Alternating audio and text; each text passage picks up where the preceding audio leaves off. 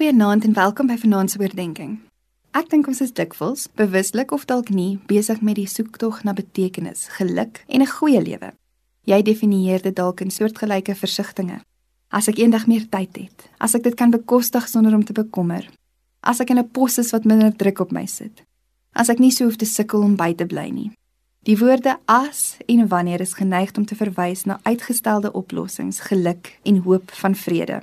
Hoe kan ons nou, te midde van die mintyd, die hoë druk, die finansiële druk, allerlei dinge wat ons pla, ware vreugde in onsself en in ons huishoudings beleef, eerder as om net die pas van oorlewing te beleef?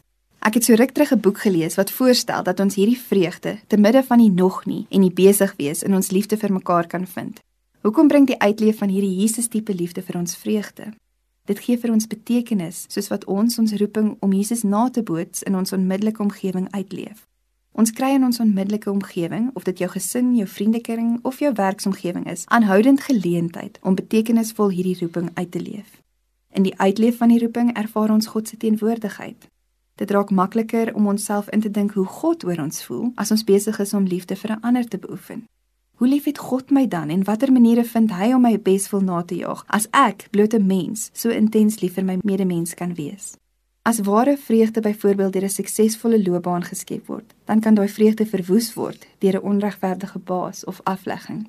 As ware vreugde gegenereer word deur meer geld, dan kan die ekonomie of een slegte finansiële besluit jou geluk potjie en van jou ontneem. As ware vreugde afhang van hoe mense oor my voel, dan kan ek eendag diep gelukkig wees en die volgende dag platgeslaan.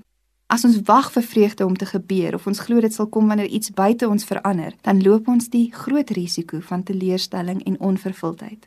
As ons eerder ons vreugde vind deur die ervaring en uitleef van Jesus se liefde, dan kan ons in konstante, omvattende vreugde leef, selfs al is daar dinge wat ons ontstel of ongelukkig maak. Dan besef ons ons word genooi na iets dieper, iets onwisselvallig. Vir hierdie rede herinner Jesus ons dat om God en ander lief te hê die heel belangrikste van die wette is en eintlik al die ander riglyne vir 'n gesonde, gelukkige lewe opsom.